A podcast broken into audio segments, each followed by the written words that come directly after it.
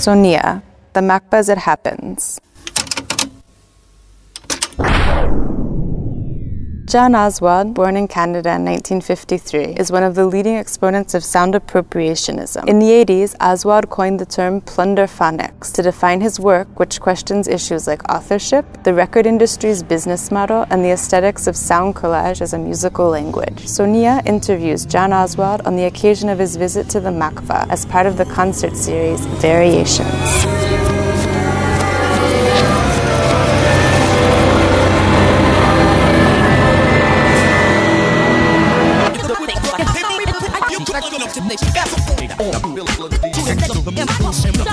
mama. Just get a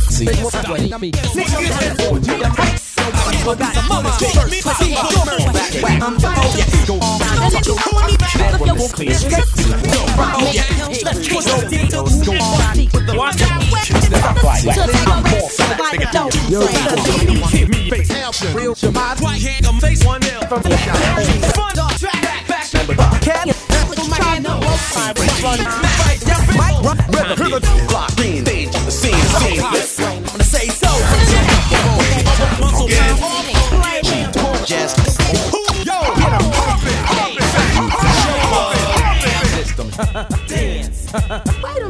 Plunderphonics, a definition. Plunderphonics. Well, it's a term that I came up with back in the 80s that applied to musical activities that I did then, still do now, and before then, but I think I most concentrated on that particular, what I ended up calling a genre, uh, in the mid 80s. And it described music that was familiar to most people, I'd hope.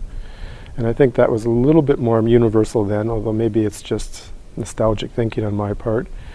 And that very familiar music has changed in some way, where something seems to be different about it. Sometimes that's obvious, sometimes not so obvious. But there is still that recognition of the original in the transformation.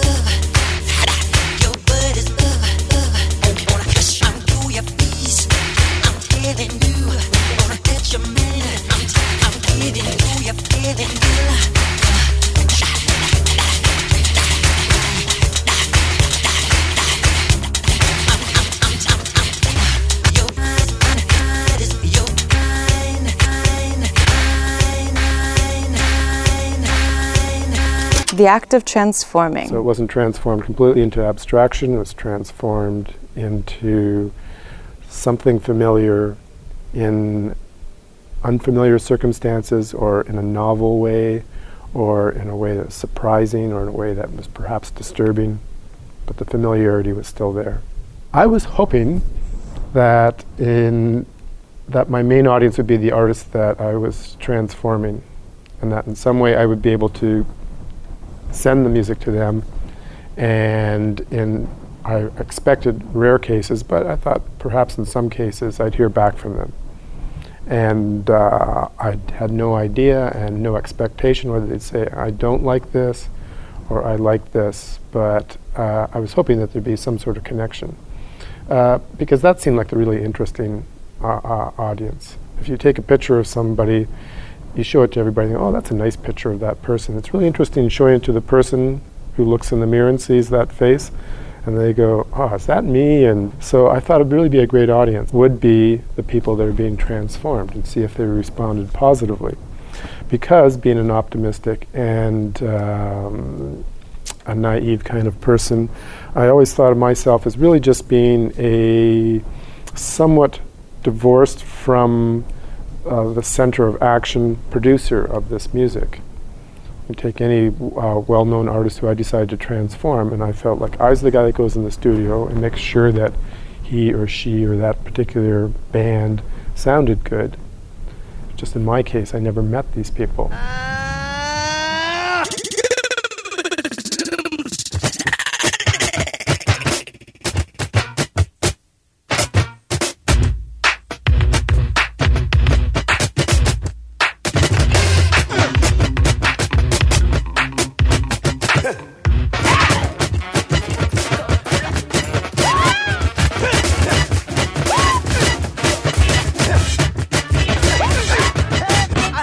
Shoes. Give me, give me, give me, give me, give me it!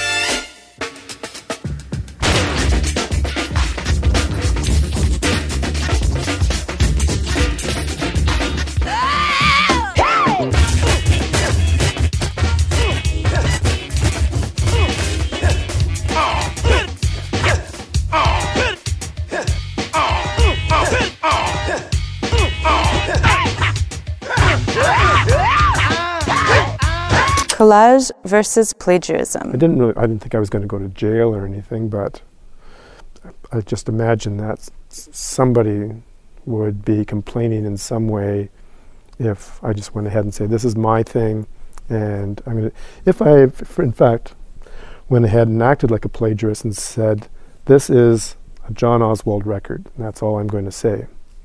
Now, that kind of thing where music was being blatantly sampled incorporated in something else where somebody said that became quite common a little while later, particularly uh, with the rise of um, um, the rap hip hop world.